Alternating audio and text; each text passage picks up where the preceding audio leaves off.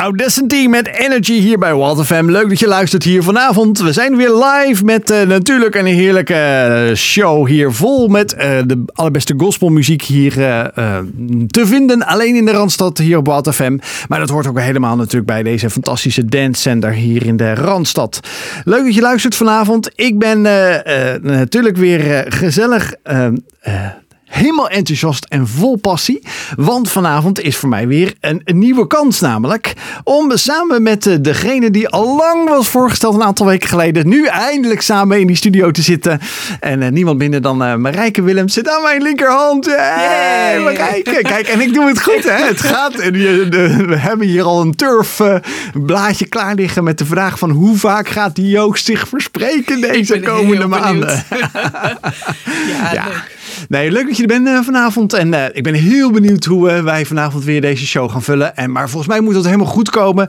Mocht je het even vergeten zijn, Marijke en ik werken, werkten jaren geleden samen ook al in, in de radiobusiness. En ja, we zijn samen gewoon weer op elkaars pad gekomen. En zitten we hier gezellig bij Walter FM. Um, samen met jou een radioprogramma te maken. Want jij bent ook onderdeel van deze avond. Maar daarin hoort altijd natuurlijk een spraakmakende gast die wij altijd uitnodigen hier bij Walter FM. En vanavond heeft uh, Marijke ook heel goed haar, uh, haar research en redactiewerk gedaan. Want ja, daar zijn taakverdelingen. Ik zoek die muziek en Marije of Marijke zoeken de gasten. Of dat doen we samen maar een voorgesprekje. En vanavond hebben we ook natuurlijk weer iemand gevonden. Uh, gelukkig uh, staan er ook wel mannen op de, op, de, op de rit. Maar voor vanavond is het een uh, bijzondere vrouw die ook weer hier vanavond aangehaakt is. Want waarom zo bijzonder? Als je eigenlijk al vanaf jongs af aan wordt opgegeven van de vraag is voor word ik überhaupt wel volwassen? Ga ik überhaupt die 18 jaar wel halen? Maar deze vrouw die vanavond hier aan, aan de tafel zit. Ja, die is ondertussen 43 jaar getrouwd. ze is pleegmoeder. Ze houdt ervan om heel graag uh, te spreken, te bloggen, te bemoedigen. Uh, ze heeft uh, een verslaving aan boeken. Nou, dat hoor je wel eens vaker natuurlijk. maar daarbij hoort hopelijk ook een goed gesprek. het is niemand minder dan Monique Veenhuizen die hier vanavond aan tafel zit. Leuk dat je er bent. Goedenavond. Ja. ja, ik heb heel veel zin in, uh, in wat jij vanavond met ons gaat delen. Omdat, uh, ja, dit is natuurlijk een kleine introductie die misschien wel, uh, je misschien wel chockerend vindt. Als je eigenlijk al te horen krijgt waarom en hoe zit dat dan? Dat je een levensverwachting krijgt, misschien zelfs maar tot 18 jaar. Maar ondertussen 43, maar dus dan is er een wonder. 44. 44. 44. Oh, ja. oh sorry, mijn. oh jongens, dan is er wat gebeurd met, met, met de... Nou, ze is gewoon een jaar ouder geworden. Oh ja, weer een jaar erbij Weer een jaar erbij. Fantastisch. Leuk dat je er bent.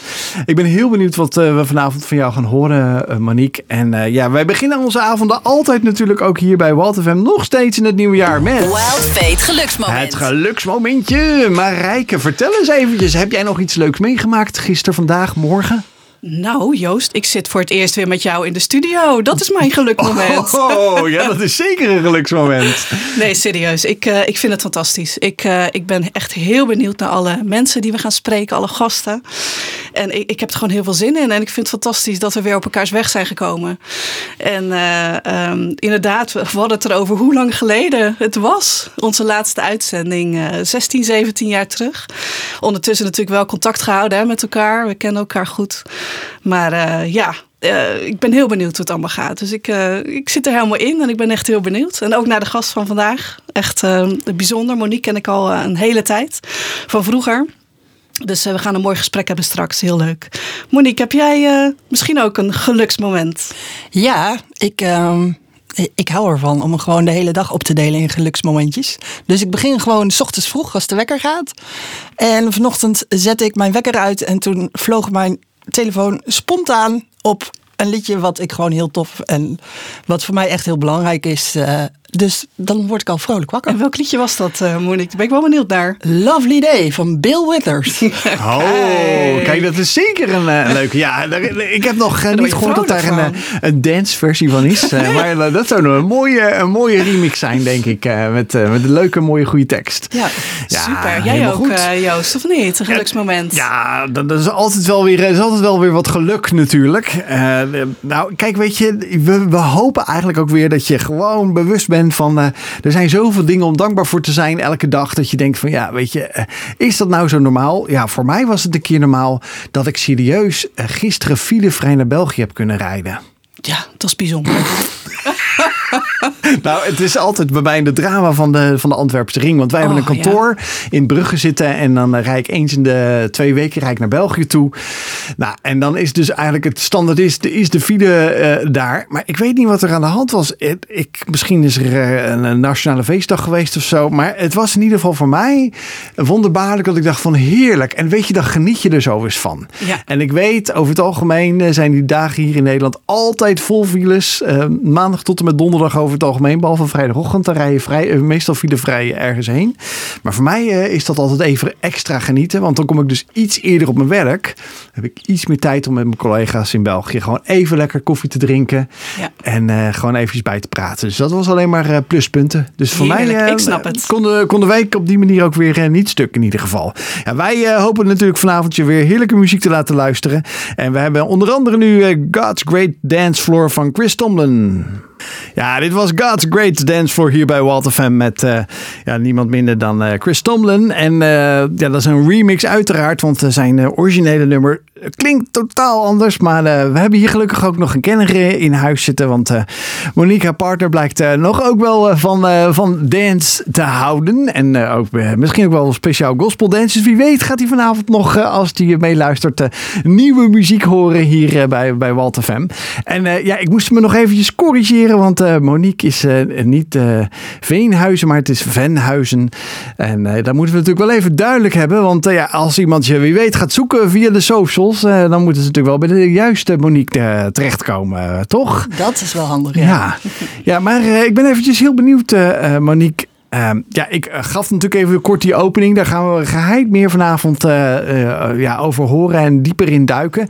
Maar ja, dat geeft toch wel een beetje een plaatje van iemand die... ehm, ehm, ja, 18 eerst krijgt op eh, eh, van nou, dat is wie weet ga je dat halen. Dus dat houdt in dat er ergens iets is wat dat voor zorgt dat die leeftijd toen werd aangepast. En maar uiteindelijk je ondertussen 44 bent. Maar wat, wat was dat eh, wat er misschien in je leven is? Wat, waardoor je die leeftijd prognose kreeg vroeger? Ehm, ik ben geboren met een hartafwijking. En eh, ik heb een gat tussen mijn beide hartkamers. En eh, dat is te laat ontdekt. Gewoonlijk kun je dat heel goed ontdekken. Doordat eh, je het bloed hoort ruisen. Dan gaat dan van de ene hartkamer naar de andere kamer. En dat hoor je heel goed. Alleen het gat in mijn hart is te groot. Waardoor artsen het gewoon heel laat hebben ontdekt. En ik was acht jaar toen ze het ontdekten. En dan is het te laat. Gewoonlijk kun je zo'n gat heel goed repareren met een routineoperatie. Kinderen worden daar tegenwoordig ook op eh, gescreend. Maar hey, ik kom nog uit de 70s, dus dat was toen niet. Ehm, maar inmiddels had dat gat in mijn hart ook mijn longen ernstig aangetast. Ehm, waardoor ik daar niet genoeg zuurstof op neem.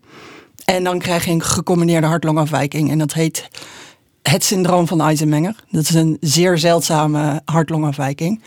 Ehm, ja, en dan- je zegt zeldzaam, hoeveel mensen hebben dat eh, in Nederland? Ik mm, pin me niet vast op cijfers. Ik weet het zo niet. En de meeste mensen die het hebben, hebben ook het syndroom van Down. Dus daardoor neemt het ook af. Omdat er helaas steeds minder kinderen worden geboren met het syndroom van Down. Ja. Ja. Zo, maar dat, je was dus acht jaar toen het syndroom van Eisenmenger dan werd eh, ontdekt bij jou. Ja. Zo, en dat is voor jouw ouders en voor jouzelf een moeilijk moment geweest, denk ik. Kan je dat moment nog herinneren? Dat Nee. dat werd gezegd tegen jou?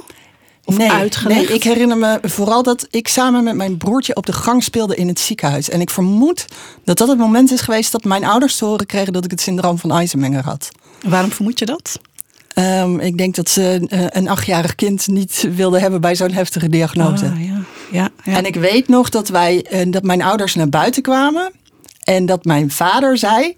En eh, dat moet een leugentje om best wel zijn geweest. Maar ehm, iets van. Nou, het is eh, waarschijnlijk niet zo ernstig. En je hoeft niet geopereerd te worden. Maar als het toch moet, dan krijg jij van mij een Walkman. Nogmaals, ik kom uit de 70s. Juist. Dus een Walkman wilde je hebben als kind. Dus ergens ging ik toen bijna hopen dat Juist. ik geopereerd moest worden, want dan kreeg ik een Walkman. Ja. En uiteindelijk hebben die operaties plaatsgevonden, maar dat was puur om zeker te weten dat ik inderdaad het syndroom van Eisenmenger had. En dat hebben ze met die operaties eh, kunnen constateren. Dus, Ja, wat betekende dat dan eh, voor jou? Eh, je had dat syndroom. Wat veranderde iets in jouw leven? Of op dat moment eigenlijk niet. nee? Nee, mijn ouders. Ik kan me niet herinneren dat mijn ouders het me verteld hebben. Voor mijn ouders ligt dat anders. Die, die weten nog wel dat ze het me verteld hebben. En eh, mijn vader vertelt ook het verhaal dat ik bij hem op schoot zat. En dat hij eh, dat zei. En dat ik hem toen gevraagd heb: Oh, ga ik dan ook eerder dood? En toen heeft hij gezegd: Dat zou kunnen. En toen heb ik ze aangekeken. Toen ben ik van zijn schoot gegleden. En toen ben ik weer gaan spelen. Ja, de flexibiliteit van kinderen misschien is dat ook wel. eh, Ja, zeker. Ja. En heb je, ehm, eh, heb je ook daarna eigenlijk gewoon een normale jeugd gehad? Als je dat even zo zou mogen omschrijven. Of heb je het gevoel gehad dat jouw eh, ja, je, je afwijking, je hartafwijking altijd gevolgen heeft eh, om, om mee te kunnen op de, op de basisschool, eh, in de sport eh, of omdat je weer eruit moest vanwege een operatie? Ehm, nou, ik ben gelukkig maar twee keer geopereerd. En dat was echt alleen maar om vast te stellen of ik Eisenmenger had. En het ligt eraan eh, hoe je het bekijkt. Mijn ouders, dikke hulde voor mijn ouders. Mijn ouders hebben altijd geprobeerd me zo normaal mogelijk te behandelen. Als mijn broertjes iets mochten, mocht ik het ook. Als voor mij iets aangepast moest worden, bijvoorbeeld dat het me niet lukte om op de fiets naar school te gaan, dan mochten mijn broertjes ook mee met de auto. Dus mijn ouders hebben geprobeerd mij zo normaal mogelijk op te voeden. En daar ben ik ze tot op de dag van vandaag heel dankbaar voor. De buitenwereld was een ander verhaal. De buitenwereld vond het heel heftig en ging mij ook behandelen als een speciaal geval. En daar had ik als kind al een bloedhekel aan. Oké. Ja, nou dat snap ik wel, denk ik. Maar hoe, hoe behandelden mensen jou dan? En nou heel simpel. Je hebt als je op school zit, op de basisschool, en er is een kindjarig, die gaat dan eh, de klasse rond. En dan mag je alle, tenminste, ik weet niet hoe dat nu is, maar in die tijd mocht je dan alle meesters en juffen mocht je een tractatie geven. En de juf was altijd op dieet en ik kreeg dan haar koek. Dat deed ook iets met je positie in de klas. En ik heb daar gelukkig nooit last van gehad, maar ik heb me wel altijd een buitenstaander gevoeld in de klas, juist door dat soort dingen. Je hebt je altijd anders gevoeld? Ja, Ondanks dat je ouders jou zo normaal mogelijk hebben opgevoed. Ja, maar dat komt ook door hoe de buitenwereld ermee omgaat. Ja. En dat het toch altijd is van, oh, Monique en eh, Een speciaal geval. een speciaal geval. Kijk, Ja. maar dat is, eh, dat is vroeger geweest, omdat het ook bewust door je ouders werd meegenomen. Maar als ik je nu zou zien, ik zie je hier zitten, dan denk ik bij mezelf van, nou, ik zie hier een blakende, ja, jonge vrouw, het staat in de kracht van de leven, die heeft er zin in. Ik zie nou niet opeens dat ik denk, oh, eh, weet je wel, ik eh, zie je een, eh, een, een, een infuuspomp naast je hangen, of ik zie eh, ja, een, een arm missen of zo, weet je, want dat is vaak wel wat mensen natuurlijk als eerste kenmerk geven. Oh, je bent anders, hè? En dat wordt dan in de klas wel heel erg benadrukt, maar ik zie het niet aan de buitenkant. Nee, klopt. Alleen echte kenners kunnen het zien. En als ik goed moe ben, dan ga je het ook wel zien. Ehm, eh, ik heb geen lipstick op. Mijn lippen worden vanzelf paarser door de vermoeidheid. Mijn wangen kunnen ook paarser worden. Eh, net als mijn handen. En ik heb afwijkende nagels. Ik heb niet heel normaal uitziende nagels en vingers. Oh, zijn nou, iets je het blauwer, zegt, denk ja. ik. Of Ja, niet? maar ze zijn ook stomper. Dus daar kunnen de kenners het aan zien. Maar vaak kun je niks aan mij zien. En mijn karakter en mijn gezondheid zijn echt een totale mismatch. Ja, nou dan ben ik heel benieuwd eh, wat, die, eh, wat die mismatch dan eh, wel als positieve, po- positiviteit aan je, aan je leven natuurlijk inbrengt. Want ja, je moet daar natuurlijk wel nog steeds meer mee leren leven. Maar hoe je dat doet, ben ik heel benieuwd naar. Maar daar gaan we zo meteen eens even over doorpraten. Een lekkere remix van eh Copain van eh Guy Brazil met Ankomen hier eh, in een Nederlands-Duitse tintje hier op uh, Walt FM. We zijn hier in gesprek met Monique Venhuizen en ja, zij vertelt ook eventjes even tussen neus en lippen door ja, best wel hoe heftig chronisch ziek zij is en hoe dat haar jeugd dat nooit belemmerd heeft, althans niet bij haar intern in het gezin, maar juist wel extern de buitenwereld zo al een, ja, toch ook wel een duim drukt op het, op het chronisch ziek zijn. Dat zal me best ook wel, eh, ook voor jou heftig zijn, dat je denkt van, ja, ik ben toen al eigenlijk een, heb ik een stempel gekregen. En dat is eh, heel moeilijk om daar ooit vanaf te komen. Of, of zie ik dat verkeerd? Ehm, ik weet niet of ik het zo heel duidelijk ervaren heb. Ehm, ik heb later de opleiding maatschappelijk werk en dienstverlening gevolgd. En daar leer je heel erg nadenken over je verleden en wat je heeft gevormd. En toen ben ik dat wel gaan zien. Van goh, dat heeft wel echt heel veel impact op mij gehad. Als kind zelf heb ik dat niet zo ervaren. Heb ik er me vooral mateloos aan geïrriteerd. Maar op den duur word je tiener. En dan ga je ook leren dat je er ook grondig misbruik van kan maken. Dus het heeft twee kanten. Oeh, ik ben wel benieuwd. Hoe bedoel je dat, Monique? nou, dingen als ehm, eh, wiskunde is, eh, is niet mijn sterkste kant. En dat was het toen al niet. En dan had ik geen zin in het vak. En dan was het, ah oh, meneer, ik ben zo moe. Mag ik niet naar huis? Ik had er al geen zin in. En dan zag je ze kijken. Oeh, Monique, ja, ernstig ziek. Ja, laat ik er maar naar huis laten gaan. Dan ging ik gewoon lekker naar, lekker naar huis. Overigens, tot op de dag van vandaag heb ik nachtmerries dat ik nog op de middelbare school zit. Omdat ik nog steeds mijn wiskunde niet gehaald heb. Dus ik word er wel voor teruggepakt. Oh, oké, oké. Nu, eh, nu, eh, nu komt het uiteindelijk wel weer uh, terug, uh, terug hoe het was. Maar ik was nog eventjes benieuwd naar de. Ja, je weet je, je, je, je groeit op. Um, nou ja, je krijgt dat. Je, je laat dat ook zien. Je, je, ja, ik heb het nu gezien uh, aan je nagels bijvoorbeeld, inderdaad. Wat ik al zei. Van, vanuit de buitenkant zie ik, zie ik niet dat je direct ziek bent.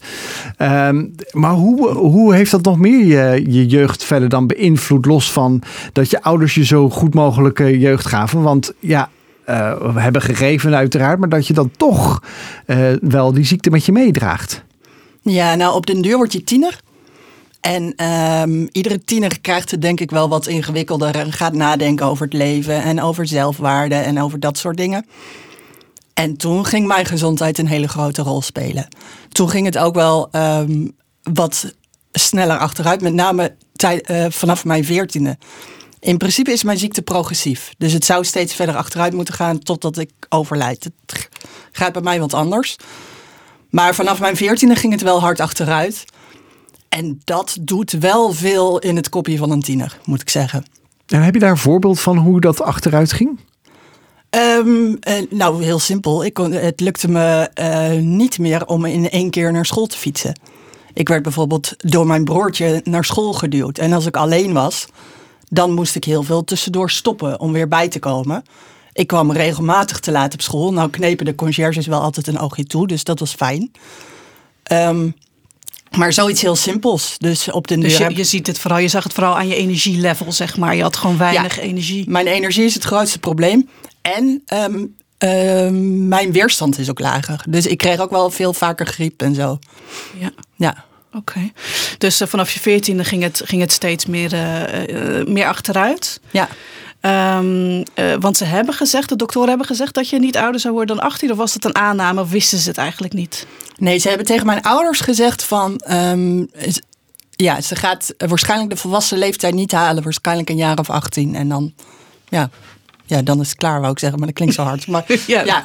ja. Heeft dat ook altijd een nadruk in het gezin gespeeld? Van dat, ja, je, je zegt ja, ik word tiener, 14. Dus dat is eigenlijk, als ik even denk, 14, 4, dat is vier jaar na je achttiende. Ja. Als er toch een soort van ja, uh, bel van Damocles boven je leven hangt zelfs. Dat er wordt gezegd, ja, als je 18 bent, dan is het maar de vraag of je dat überhaupt haalt. Dus er blijft dan toch altijd een soort van, oh jee, oh, ze is al 15, 16, 17. Um, nou, ook dat hebben mijn ouders heel goed gedaan. Die, hebben, die zijn heel erg gaan kijken naar hoe kunnen wij haar zoveel mogelijk ervaringen meegeven. Dus zij zijn er denk ik vooral op die manier mee bezig geweest. Um, door op hun manier mijn wereld te vergroten. En vanaf het moment dat bijvoorbeeld de diagnose werd gesteld, zeiden ze: Oké, dan gaan we ook naar het buitenland op vakantie. Dan willen we haar zoveel mogelijk van de wereld laten zien. Oké, een sport kan misschien niet welke dingen kan ze wel? En dan geven we haar ruimte om die hobby's volop te doen. Dus op die manier zijn mijn ouders ermee bezig geweest. Ik moet wel zeggen, toen ik 14 was, begon er iets anders de boventoon te voeren in ons gezin. Hm? Wat, bedoel, wat, bedoel, je dan? Toen ik 14 was, overleed mijn broertje. Oh, Oké. Okay. En dat is ook de reden dat vanaf dat moment mijn gezondheid heel hard achteruit ging. Ja. Omdat het emotioneel dan ja, zo pittig wordt. Dat, ja, dat heeft altijd invloed ook op het fysiek. Ja. Dus ja, vanaf mijn veertiende hadden, had ons gezin ook wel iets anders aan het hoofd. Zo, wat eh, bijzonder heftig, Monique. Ja, En, en hij is overleden eh, door een, wat heeft hij? Hoezo heeft een is hij ongeluk gehad. Een ongeluk. Ja.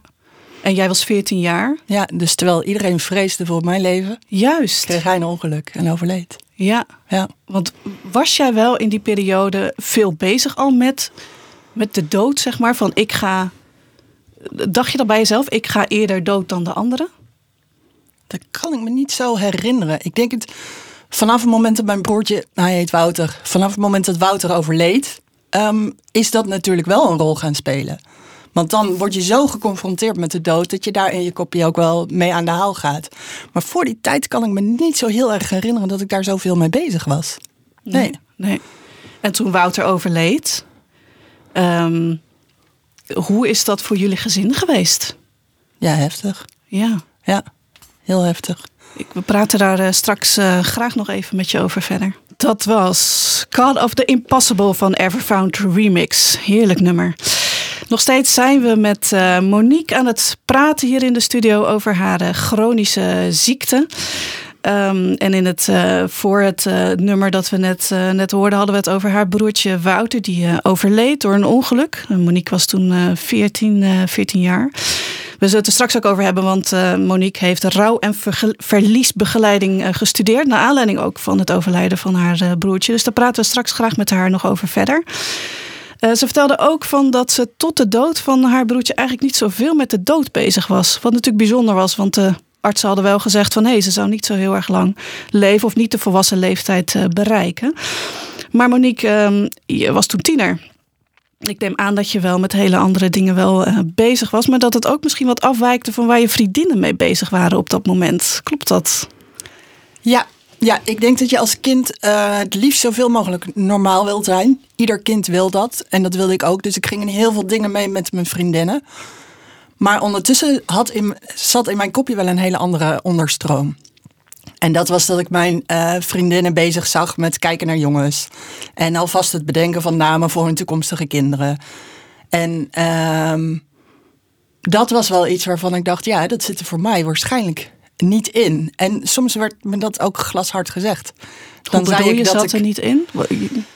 Nou, ja, als je wilt trouwen met iemand zul je toch volwassen moeten worden. Ja, inderdaad. Ja. En eh, De is- 18 plus. Dus ja, eigenlijk. de 18 eh, plus, ja, ja. ja. En ook eh, vriendinnen die zeiden van, maar waarom kijk jij eigenlijk eh, naar jongens? Want jij zult toch nooit trouwen. Dus ja, dat, dat waren dingen die hakten er. Dat is wel eerlijk. Het is eerlijk, maar het hakt wel heel hard in een tienerkoppie. Ja, Hoe ging je daarmee om? Ehm moeizaam. Ja, daar heb ik heel wat over gepiekerd. En eh, Waren dat ook dingen die je met je ouders kon bespreken? Of was je inmiddels zoveel tiener dat je je ouders een beetje aan de zijkant eh, dat had geschoven? En ik heb mijn ouders eh, ook wel vaak in bescherming genomen, omdat zij thuis volop in de rouw zaten. En dat zorgde ervoor, dat lag niet aan hun. dat lag echt aan mij. Maar dat ik niet de ruimte voelde om dat gepieker met hen te delen. Ja, ja. Ja. Maar ehm, eh, was je er wel mee bezig met jongens? Ja, natuurlijk. Wel tienermeisjes daar niet mee bezig. Want ondanks het feit dat je eigenlijk wist van waarschijnlijk gaat het mij niet gebeuren, was je er toch mee bezig. Ja, en ook op een niet handige manier. Want als er een jongen was die enige vorm van interesse toonde, dan dacht ik, zie je wel, ik kan ze wel krijgen. En dan ging ik daarop in. En dan eh, dacht ik na een maandje, oh, dit is helemaal niet mijn type. En dan maakte ik het er weer uit. Dus ik heb op die manier ook wel misbruik gemaakt van jongens. Ja, net als Puur je- om ja. te bewijzen dat ik wel de moeite waard was. Ook al was ik ziek. Klinkt een beetje recalcitrant ergens. Oh, dat zit er wel in bij mij. Ja, Eigenwijze Monique eh, van die tijd, ja. ja. Ehm, eh, nou, je wordt ouder. Eh, had je in die tijd wel het idee van... hé, ik ga, het gaat nog steeds redelijk goed met mij. Ik ga studeren. ja. Wat ben je gaan studeren? Ehm, eh, het idee was om uiteindelijk psychologie te gaan studeren. Ik, ik ben heel bewust bezig geweest met wat is een studie die ik, waar ik ook veel vrijwilligerswerk mee kan doen. Want het was al wel duidelijk dat ik nooit een betaalde baan zou kunnen doen. Ehm, en eh, psychologie vond ik heel interessant. Dus ehm, ik heb eerst HAVO gedaan en toen VWO om psychologie te kunnen gaan studeren. En toen dacht ik, weet je, ik doe een tussenjaar aan de Evangelische Hogeschool. Evangelische Hogeschool, wat is dat? Evangelische Hogeschool is, een, is eigenlijk een vormingsjaar waarin je heel erg bezig bent met uh, wie ben ik, uh, wat wil ik in dit leven. Uh, maar ook als christen, uh, hoe ziet God mij en hoe ziet God mijn leven? En kan ik ook in de toekomst iets met God en hoe kan ik dat dan uitdragen? Bestaat dat uh, nog vandaag de dag? Dat bestaat zeker nog vandaag de dag. Oh, oké. Okay. En, en, hoe heet dat? Evangelische? Evangelische Hogeschool. Nou, volgens mij zit het in Amersfoort. Die oh. zit in Amersfoort, ja, ja dat klopt. Oké, okay. nee, interessant. Ja, nou. ja, maar dat is een tussenjaar voor tieners, toch? Het is niet dat je dat ja, als dat is uh, in principe na de middelbare school, maar tegenwoordig hebben ze ook een volwassen traject. Oké. Okay. En, en hoe, hoe was dat? Dat is een jaar? Dat is een jaar, ja. En wat, hoe ervaarde je dat, dat jaar? Ja, fantastisch. Ja. Oh, ja. je begint er helemaal bij te stralen, Monique. Dat was echt een mooi jaar. Ja, ja, we hebben de vriendschappen voor het leven opgedaan. Die we nog steeds. Uh, uh, we hebben oud en nieuw gevierd bij vrienden. Uh, waarvan we hem op de Evangelische Hogeschool hebben leren oh, kennen. Oh, bijzonder. Ja, en, en ja, het, het was een heel mooi stuk vorming. Ook van, van mezelf. Ja, en sommige vriendschappen groeien ook uit tot iets nog leukers. Eerst muziek, oh, uh, Joost, ja, en dan horen we het graag. Dit was Real Love hier op Walt FM met uh, van Havida. Leuk dat je luistert hier naar Walt Fate hier op de woensdagavond en de zondagavond bij natuurlijk de allerbeste gospel dance zender. Wat ik vind op die woensdagavond. Want ja, ik heb er in ieder geval waarschijnlijk een fan bij. Dat is Bram. Ja, we hadden het net eventjes over wie is dan die Bram? Nee, eigenlijk. Dat is namelijk de, nu de man van, van Monique. Maar we hadden het net even voor de muziek over van ja, je kijkt, je wordt groter, je wordt ouder, je passeert die 18 jaar grens. we zeiden al aan het begin van het programma, Monique, chronisch ziek, krijgt eerst een diagnose. Nou, de vraag is maar of dat je überhaupt volwassen wordt. Nou, en langzaam groei je dat gewoon door. je gaat eigenlijk uitkijken ook zelfs meer naar de toekomst. Misschien gaat zelfs dat chronisch ziek zijn wel een beetje naar de achtergrond verdwijnen. of eigenlijk het wordt een beetje meer op de achtergrond, want ja, je gaat genieten van het leven. Je gaat kijken om je heen, je gaat studeren, je gaat doen wat je leuk vindt. Ja, daar horen in jouw geval ook uh, leuke, uh, leuke vriendjes bij. En uh, ja, daar maak je in het begin een beetje misschien ook wel misbruik van. Maar toen heb je dat bijzondere jaar de, van de Evangelische Hogeschool in Amersfoort. doe je dan zo'n tussenjaar. En nou, volgens mij gaat er dan iets heel bijzonders gebeuren in je leven. Ja. ja. Weer de glimmende ogen. Ik ben ja. zo benieuwd, Monique. Vertel het. Nou ja, wij moesten een uh, opdracht doen voor school. En dat was uh, iemand uh, interviewen met een ander geloof dan het onze. Dus in ons geval moesten wij naar een moskee. En ze wilden wel graag dat je um, man en vrouw ging. Gewoon ook uit een stukje bescherming. En ik was gekoppeld aan iemand en wij zouden dat samen gaan doen. Maar je bent student, dus je stelt dat uit tot het allerlaatste moment. En uh, er was nog een setje wat het ook uit had gesteld tot het allerlaatste moment. Dus toen zeiden we, oh, zullen we dat dan samen doen? Dus wij zijn met z'n vieren dat interview gaan doen met een imam in een moskee. En een van die vier was Bram. En uh, de manier waarop hij de vragen stelde aan de imam en respectvol met die man omging, maar ook kritische vragen durfde te stellen. Ik dacht, nou, die is wel heel erg leuk.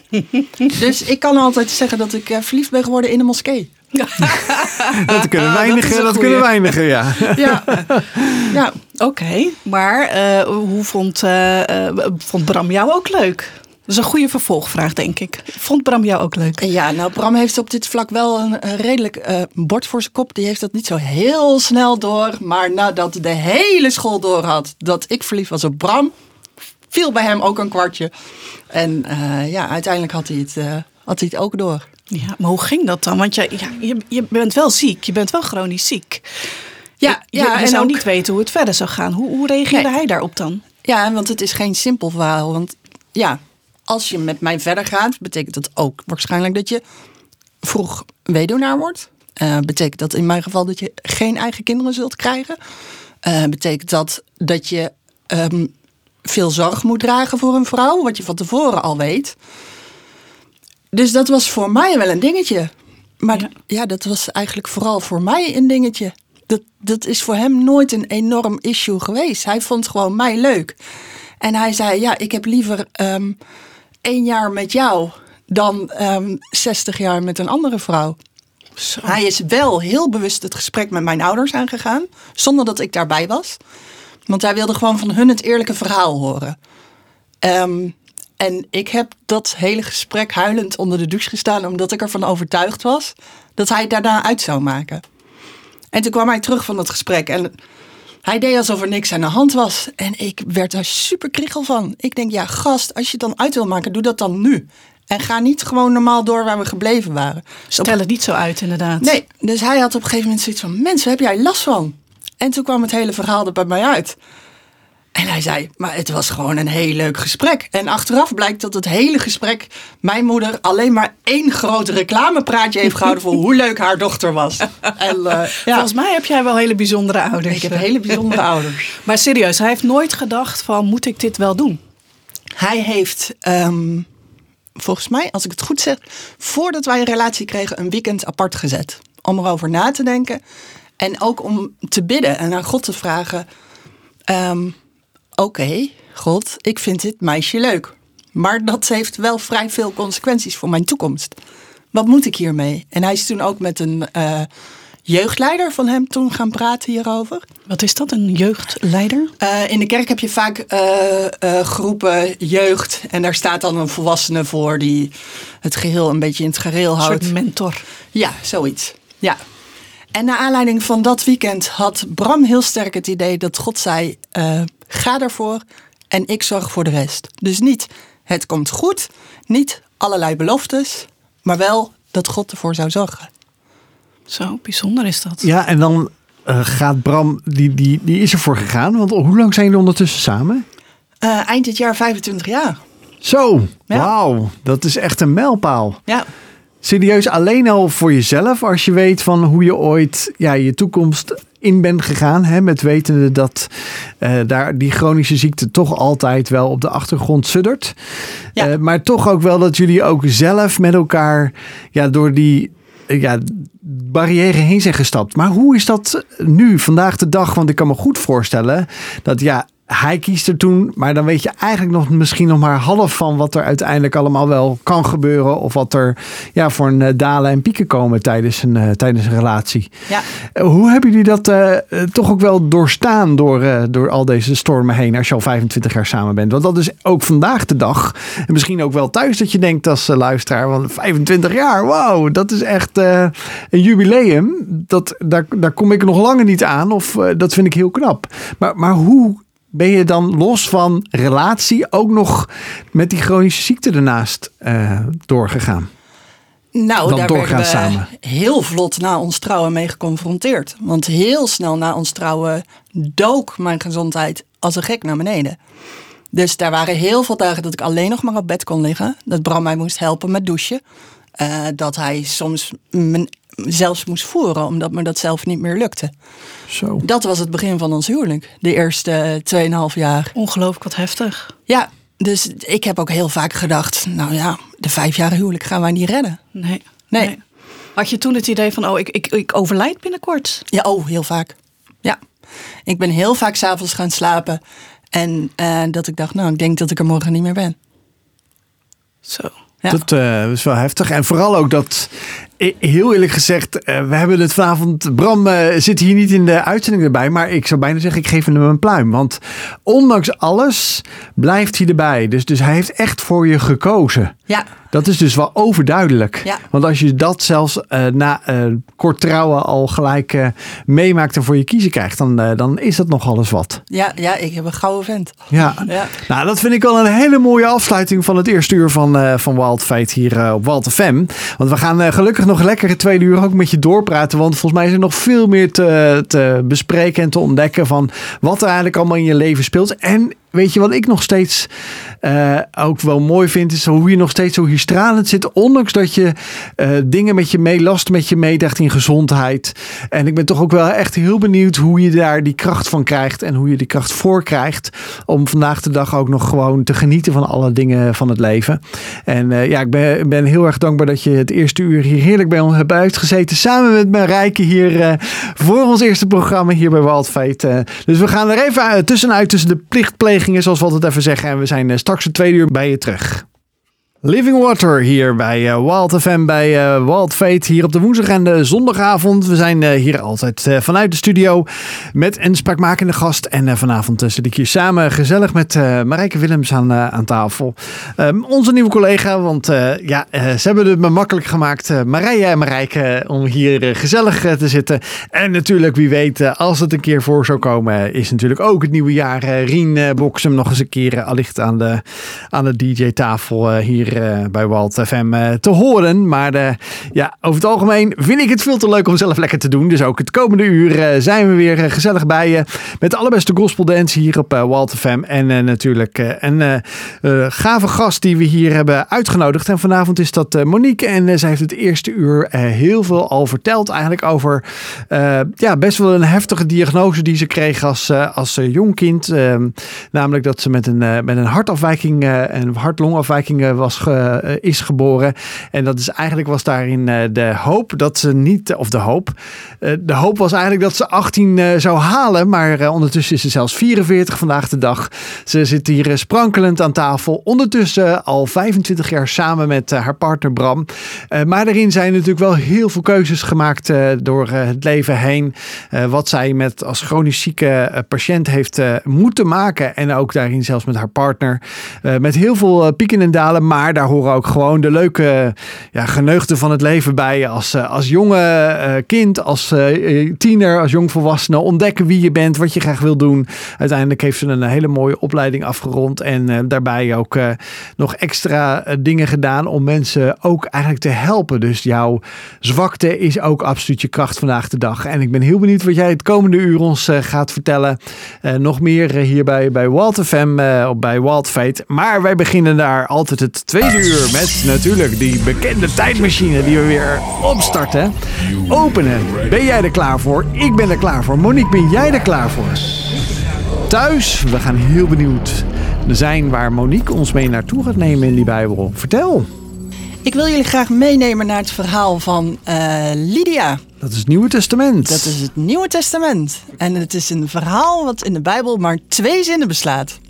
Maar Lydia was een succesvolle zakenvrouw en echt wel een dame die wist wat ze wilde. En Lydia handelt in purper.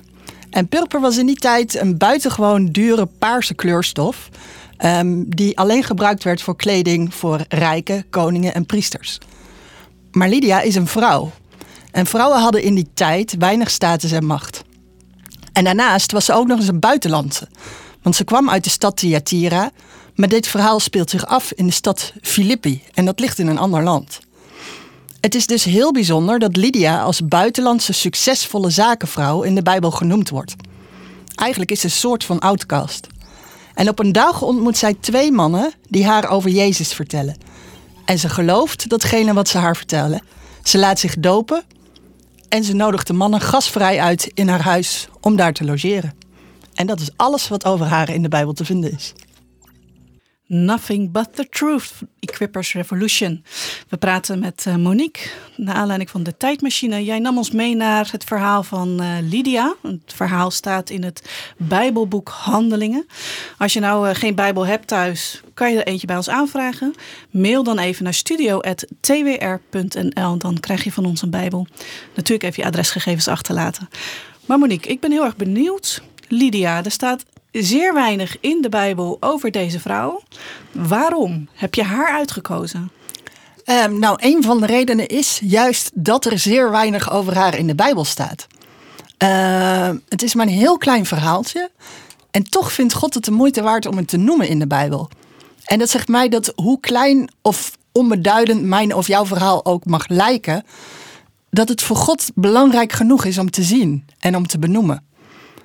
Um, wat me ook aanspreekt is dat Lydia datgene wat ze heeft uh, inzet om anderen te helpen.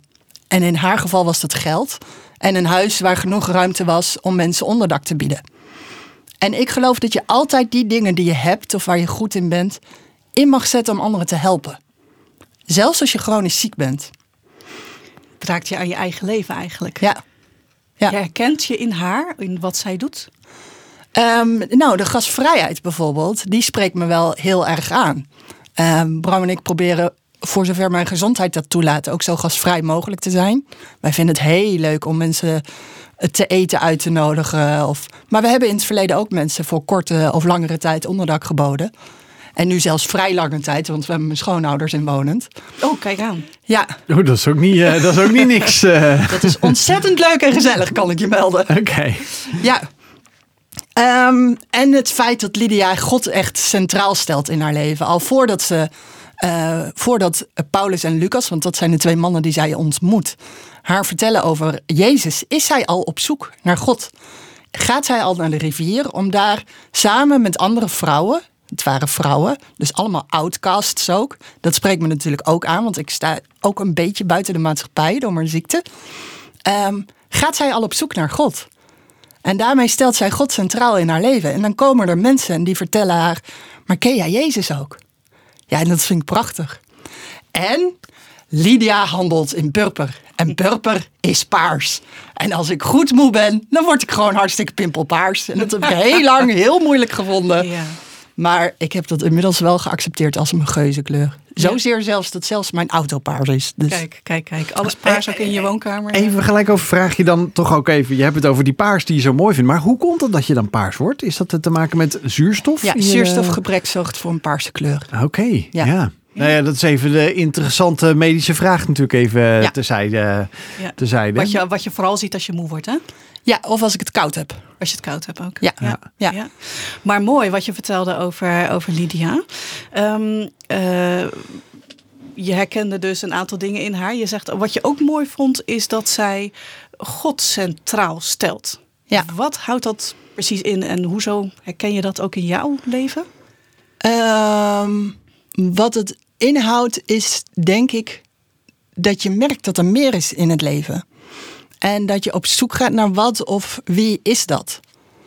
Ehm, en ik geloof zelf dat er een God is. En eh, dat God ons ziet. En dat God voor ons zorgt en dat God van ons houdt. En eh, ja, dat speelt een enorm grote rol in mijn eigen leven. Maar ben je dan nooit teleurgesteld geweest of boos van waarom heb ik nou zo'n ziekte wat zo'n impact heeft op mijn leven?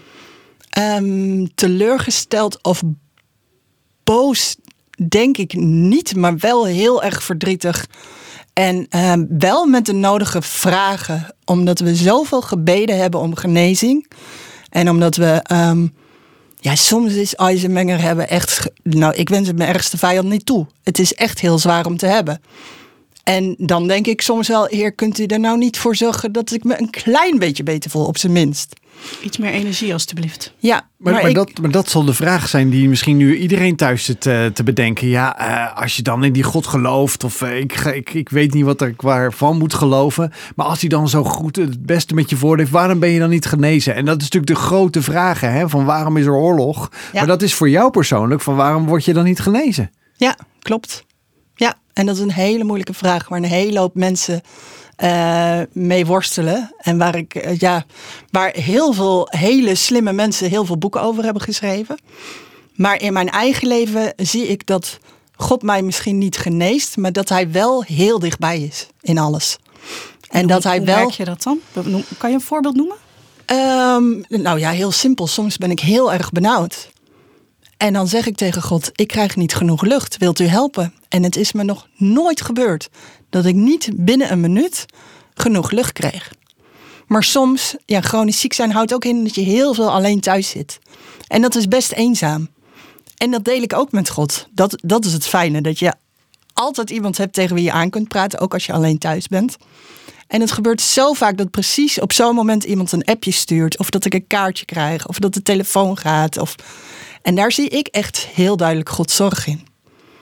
Our God is Real hier van ICF eh, Worship hier bij Wild FM bij eh, Wild Fate. Eh, ons programma hier live vanuit de studio van Wild. en we hebben altijd een spraakmakende gast op de woensdagavond. En een herhaling op de woensdagavond.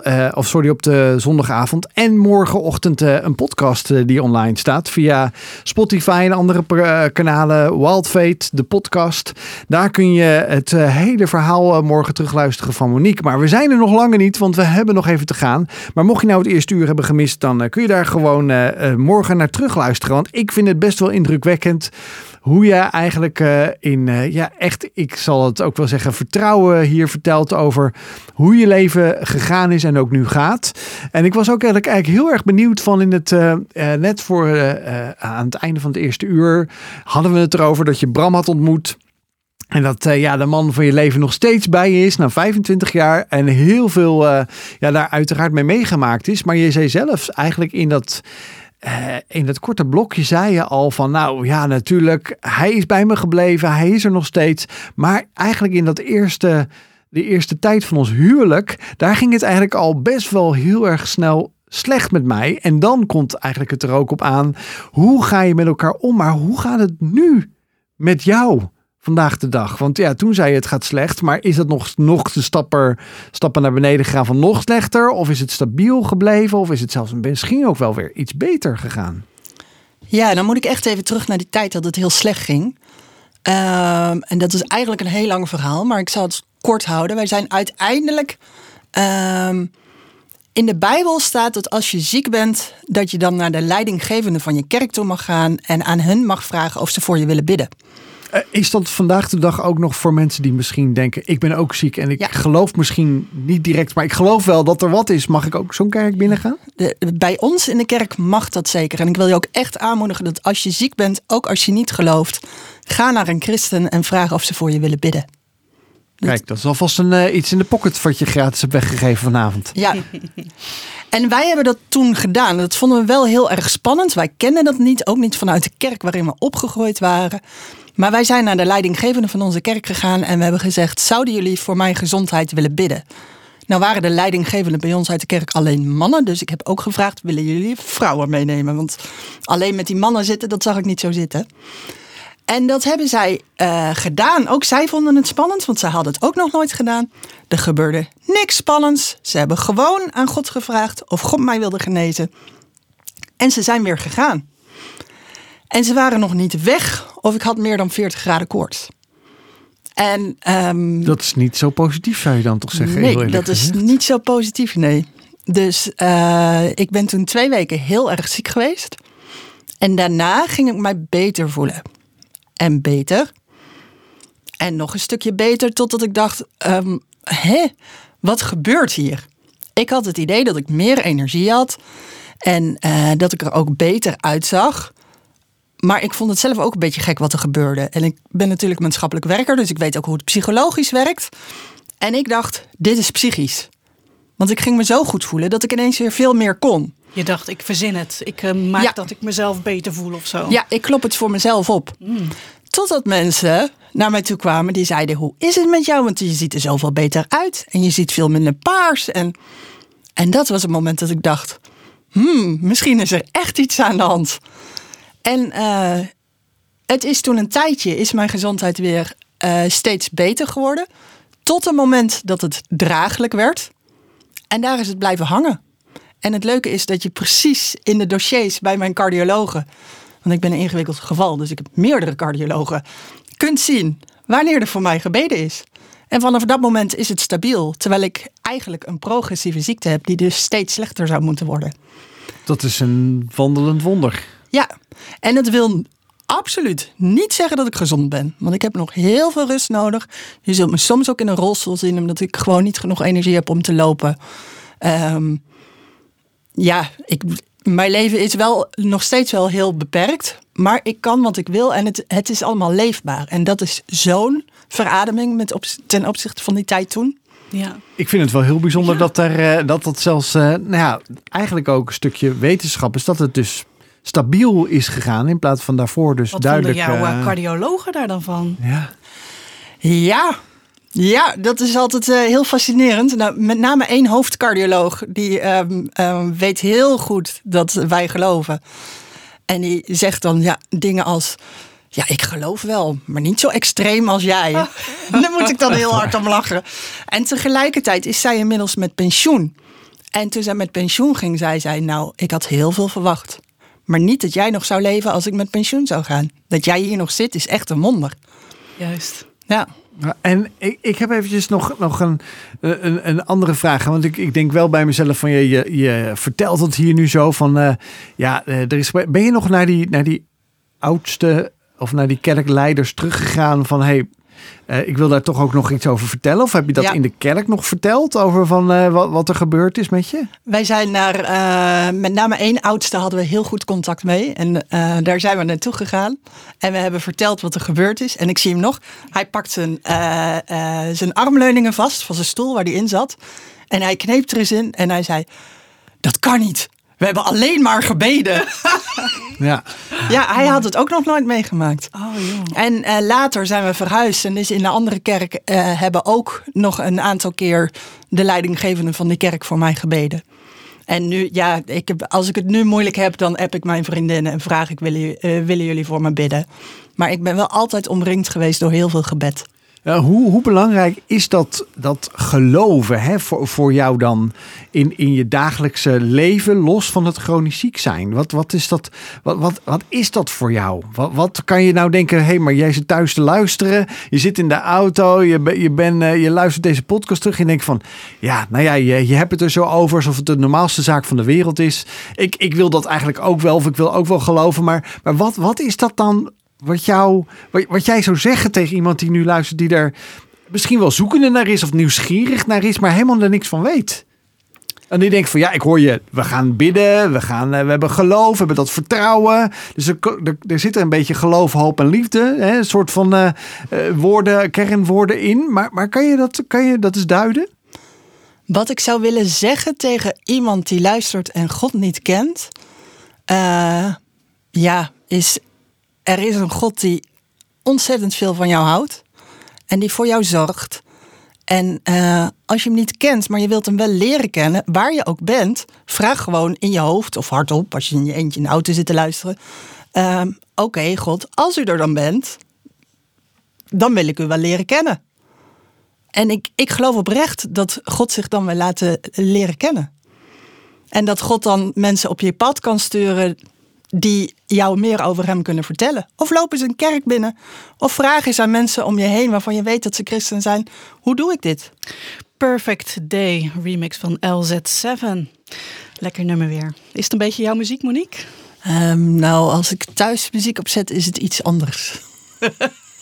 Iets, ben, wat, wat voor muziek ik dan? ben meer van de jazz en de blues en dat soort. Uh, ja. ja. Maar Bram houdt wel, geloof ik, hè? Uh, Bram houdt hier zeker van. Ja, ja juist. Hey, we, hebben het, uh, we hebben het over jou, over jouw leven. Je bent natuurlijk chronisch ziek, daar hebben we al heel veel van, van gehoord. Um, Waar ik benieuwd naar ben, we hebben veel gehoord nu van jou over het, het fysieke aspect. Hè? Nou, je, wordt, je wordt bijvoorbeeld paars als je weinig energie hebt of koud hebt. Je, je, je hebt, um, ja, je, zei zelfs af en toe moet in een rolstoel. Ja. Uh, omdat ik de energie niet heb. Dus dat zijn echt de fysieke uitdagingen die jij uh, ondervindt. Veel in bed liggen, veel rusten.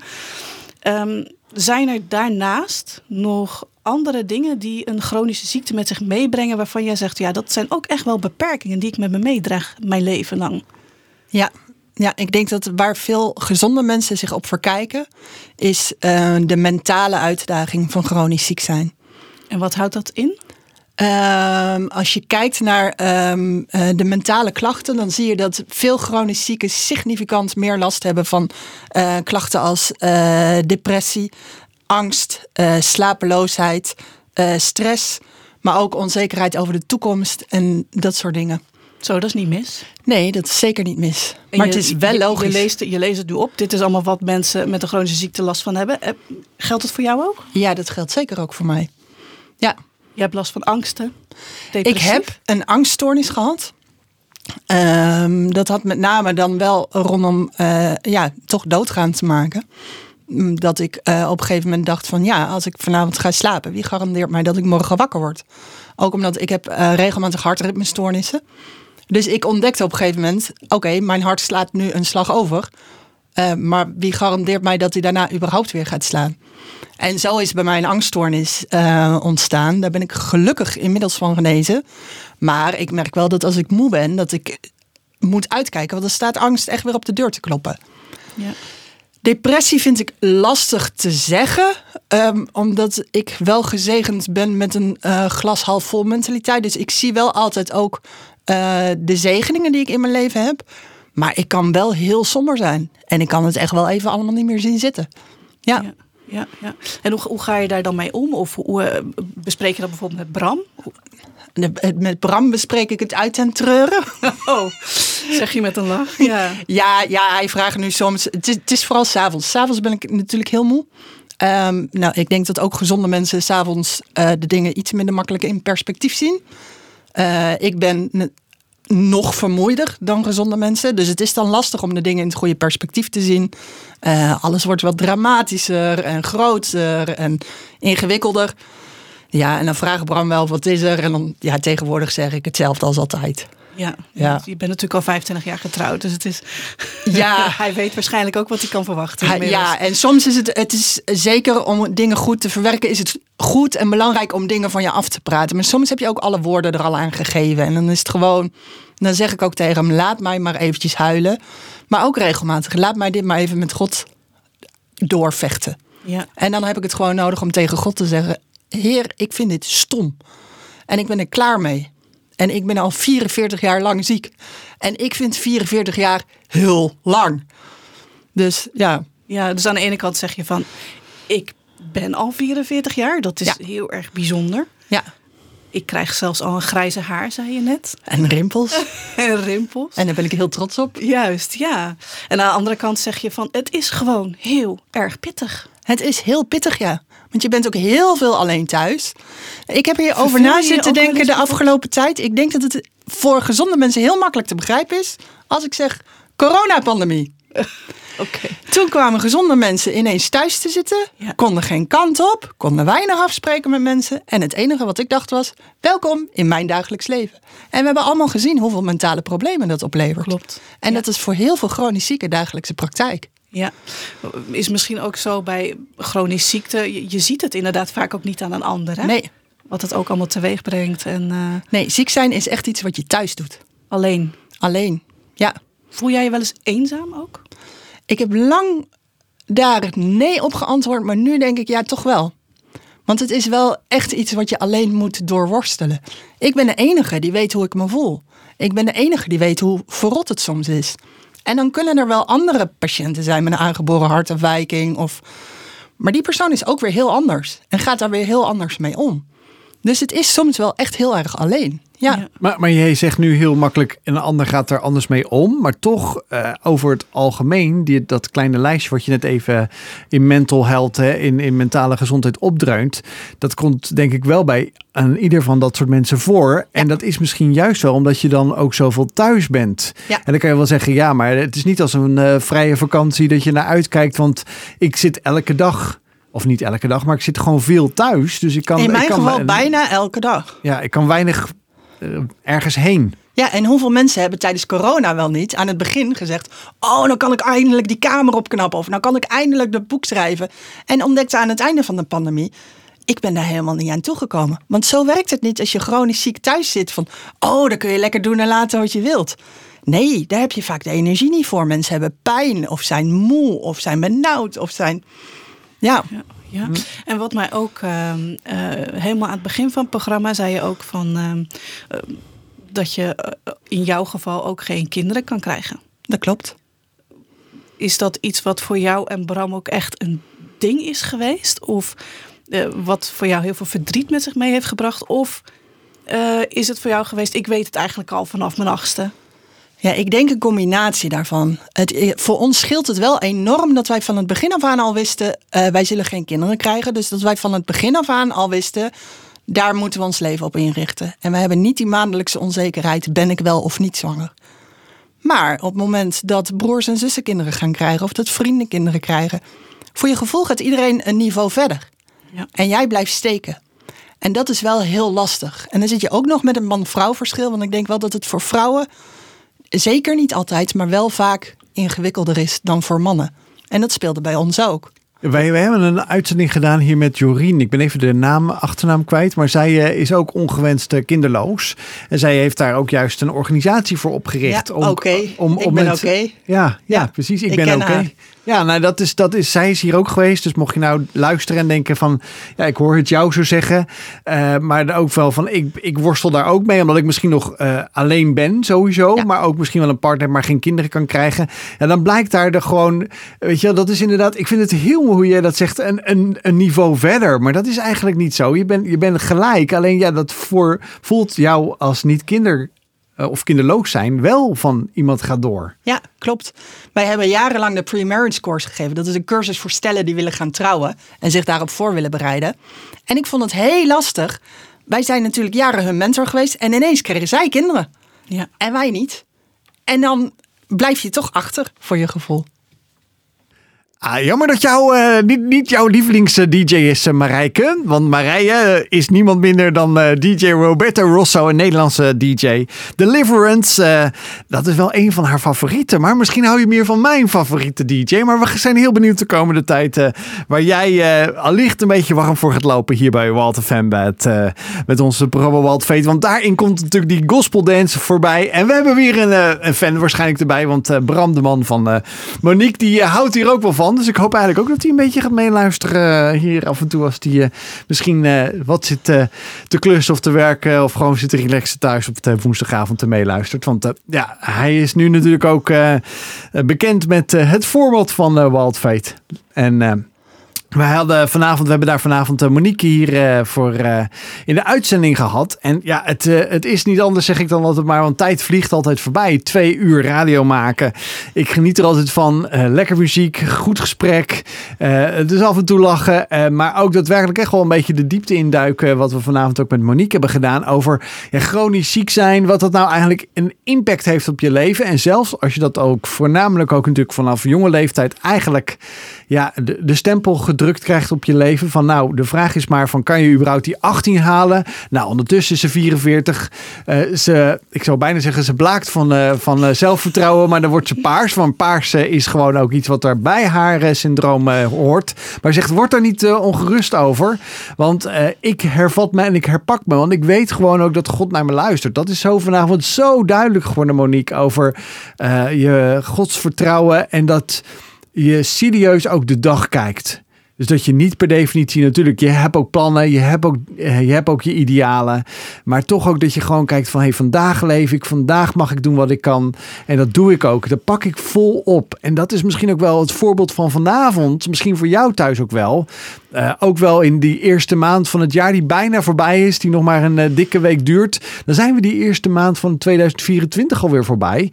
Maar jij laat eigenlijk hier zien van dat maakt dus niet uit. Want ook daarin zie ik dat God ook werkt. En hoe eenvoudig ook jij thuis, als je nu luistert, hebt gehoord van Monique, hoe dicht bij God is. Dat je zegt, jij zegt ook van, ja, waar je bent, wie je ook bent. Als je echt denkt, ik heb God nodig, je kan hem uitnodigen en God zal antwoorden. Ja, Want dat is vanavond wel eh, naar voren gekomen met je, ja, met je hele verhaal, denk ik. Ja, en ik ben echt, eh, ik vind het heel bijzonder hoe jij dat eh, vanavond hebt getuigd, daarover hebt getuigd. Maar ik ben eigenlijk ook heel benieuwd. Je zegt zelf wel van ik zit veel thuis. Ik ben ik weet niet of je helemaal afgekeurd bent. Ja, zie je, zit je hier te knikken. Dus dat houdt eigenlijk ook in van. Maar waar hou je je nog mee bezig? Want ik bedoel, ik kan me goed voorstellen dat je misschien ook juist je zwakte je kracht wil maken voor een ander. Ja, ja, zeker. Ja, een uitdaging voor veel chronisch zieken is. Um, we kennen allemaal de term, uh, de term burn-out. Maar je hebt ook zoiets als een bore-out. En dat is voor veel chronisch zieken het probleem: dat je te weinig uitdaging hebt in je leven. En ik heb wel veel uitdaging nodig. Ik heb ook veel avontuur nodig. Dat past bij mijn karakter. Dus ik ben echt gaan kijken, en dat begon al bij de opleidingskeus. Waar kan ik iets mee in het, uh, in het dagelijks leven, ook al ben ik niet gezond? En uh, ja, dat heeft uiteindelijk uitgemond in mijn eigen website, uh, chronischgeliefd.nl. En uh, ja, daarin schrijf ik eigenlijk over de vakgebieden waar ik veel verstand van heb. En dat zijn? Dat zijn hoogsensitiviteit, seksualiteit, want ik heb ook seksuologische hulpverlening gestudeerd. verlies- en rouwbegeleiding, maar ook leven met ziekte bijvoorbeeld. En ik schrijf daar ook over mijn eigen leven en hoe dingen nou in mijn eigen leven gaan. En dan ben ik ook gewoon heel eerlijk over mijn worstelingen chronisch geliefd, zei je? Ja, in plaats van chronisch ziek. Omdat mijn identiteit niet chronisch ziek is. Maar ik ben chronisch geliefd door, ja, voor mij dan mijn hemelse vader, door God. Bijzonder. Hey, en op die website schrijf jij over die eh, vakgebieden. Ja, Eh, je noemde ook al even eh, rouw en verlies. ja. Is dat toevallig gekomen door het overlijden van je broertje Wouter, waar we het eerder in de uitzending Dat heeft daar onder andere mee te maken. Dat ik wel heel benieuwd was. ehm, zitten daar nog pijnpunten voor mezelf? Ehm, eigenlijk ben ik in eerste instantie die opleiding echt voor mezelf gaan doen. Zitten er nog pijnpunten voor mezelf wat ik wat mee moet doen? Ehm, maar uiteindelijk bleek dat ik er ook in mijn eh, ziek zijn heel veel aan had. Omdat ook bij chronisch ziek zijn een vorm van rouw komt kijken. En dat noemen we levend verlies of chronische rouw. En als iemand overlijdt, ehm, kun je, hoe wrang ook, kun je dat op een bepaalde manier afsluiten. Omdat iemand er echt niet meer is. Iemand komt niet meer terug. Maar als je chronisch ziek bent, kun je dat niet afsluiten. Daar word je voortdurend mee geconfronteerd. Je moet voortdurend je leven weer aanpassen op hoe je je vandaag voelt. Eh, je wordt geconfronteerd met soms financiële onzekerheid, maar ook uitdagingen in relaties, eh, je dagvulling. En dat is iets dat draag je je hele leven met je mee. En daar komt een stuk rouw bij kijken, want je kunt heel vaak niet wat je wilt. Ja. En achteraf gezien blijk ik daar dus heel veel aan te hebben met die opleiding. Je bedoelt de, de, eh, Verlies- en rouwbegeleiding. Ja. Dat ik ook een stuk rouw in mijn eigen leven heb- heb leren kennen. ja. En ik heb heel vaak gedacht, joh, stel, na al die jaren ziek zijn, leg je er eens bij neer en stel je niet zo aan. En nu denk ik, nee, ik mag hier keer op keer verdrietig over zijn. Want het is rouw. En ik rouw om datgene wat ik nu niet kan. Of om het leven wat ik zo graag gehad had willen hebben, maar wat er niet is. Juist. En, en chronisch eh, eh, geliefd.nl, is dat een christelijke website dan? Of is dat gewoon vanuit jouw eh, identiteit geschreven, maar eigenlijk voor iedereen toegankelijk? Die is voor iedereen toegankelijk. Je zult wel zien dat ik zo af en toe eh, ook eh, tips geef voor christenen. Maar dat geef ik dan ook apart vaak wel aan. Ehm, mijn eigen verhaal is wel heel erg verweven met mijn christen zijn ook. Omdat ja, dat, dat is wie ik ben. Dus daar zul je wel meer over God ook lezen. Ik vind wel heel eh, frappant dat je ook inderdaad eh, gewoon je kracht nogmaals en ook je, je, je energie inzet in juist die kennisvergadering in onderwerpen die je ook heel erg in je eigen leven aansnijdt. En dat is los van rouw, wat, eh, wat Marijke zegt, maar ook seksualiteit, hoogsensitiviteit eh en natuurlijk uiteraard het chronische eh, ziek zijn over het algemeen. Want dat is zwaar onderschat vind ik in, in Nederland, denk ik. Gezien ik ook zelf een partner heb die chronisch ziek is. Dus ik weet vanuit een buitenstaander wat het is. Maar als ik jou hoor praten, dan hoor ik zoveel dingen als een, als een echo terugkomen.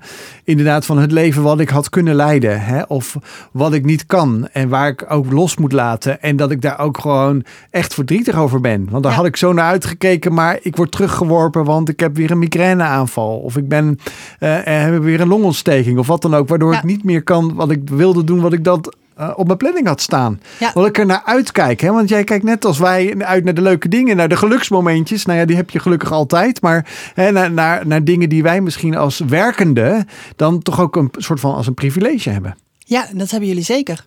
Ja. Ja. Alleen al het feit dat je gewoon simpele dagvulling hebt. Daar waar wij onze dag iedere keer maar moeten vullen op een manier die op die dag bij onze gezondheid past. En dat is iedere dag opnieuw zoeken. Nou, dan eh, zijn we daar in ieder geval eh, eh, blij mee dat wij hier een programma kunnen maken. Dat het ons werk is bereiken. Want dat is dan ons geluk hier bij, bij Wild FM, bij, bij ons programma Wild Fate. Ja, en het programma zit er helaas ook wel weer op, Monique. De, tijd vliegt er, vliegt er echt uit. Heb je misschien nog voor de chronische slash niet chronische zieken, maar die misschien juist iemand in zijn omgeving heeft, nog een laatste tip of een laatste bemoediging of wat dan ook? Voor een chronisch zieke is het echt zorg voor mensen om je heen en praat van je af. Zorg voor een goed vangnet.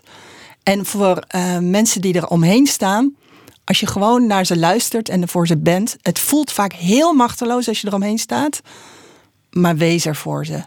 En bied praktische hulp aan. Kan ik een keer met je wandelen of kan ik je was doen? Of heel concreet, niet kan ik een keer iets voor je doen, maar ook praktisch iets gelijk. Nou, kijk, de mooie Fantastisch. afsluiten van vanavond hier met uh, mooie tips van Monique. Dankjewel. Chronischgeliefd.nl. Daar kan je meer vinden over uh, ja, haar werk, haar passie, haar geloof. Uh, dat kan je ook vinden op uiteraard twr.nl. Daar kan je veel meer podcasts vinden. Maar ook op Wildfate de podcast. Daar kan je morgen het verhaal nogmaals terug horen. Ik wil je heel erg bedanken voor je komst. Heel graag gedaan. Ik vind je nog redelijk goed bij kleur zitten. Heel eerlijk gezegd hier in de studio. Dus volgens mij gaat het ook gelukkig op die manier uh, gelukkig goed met je.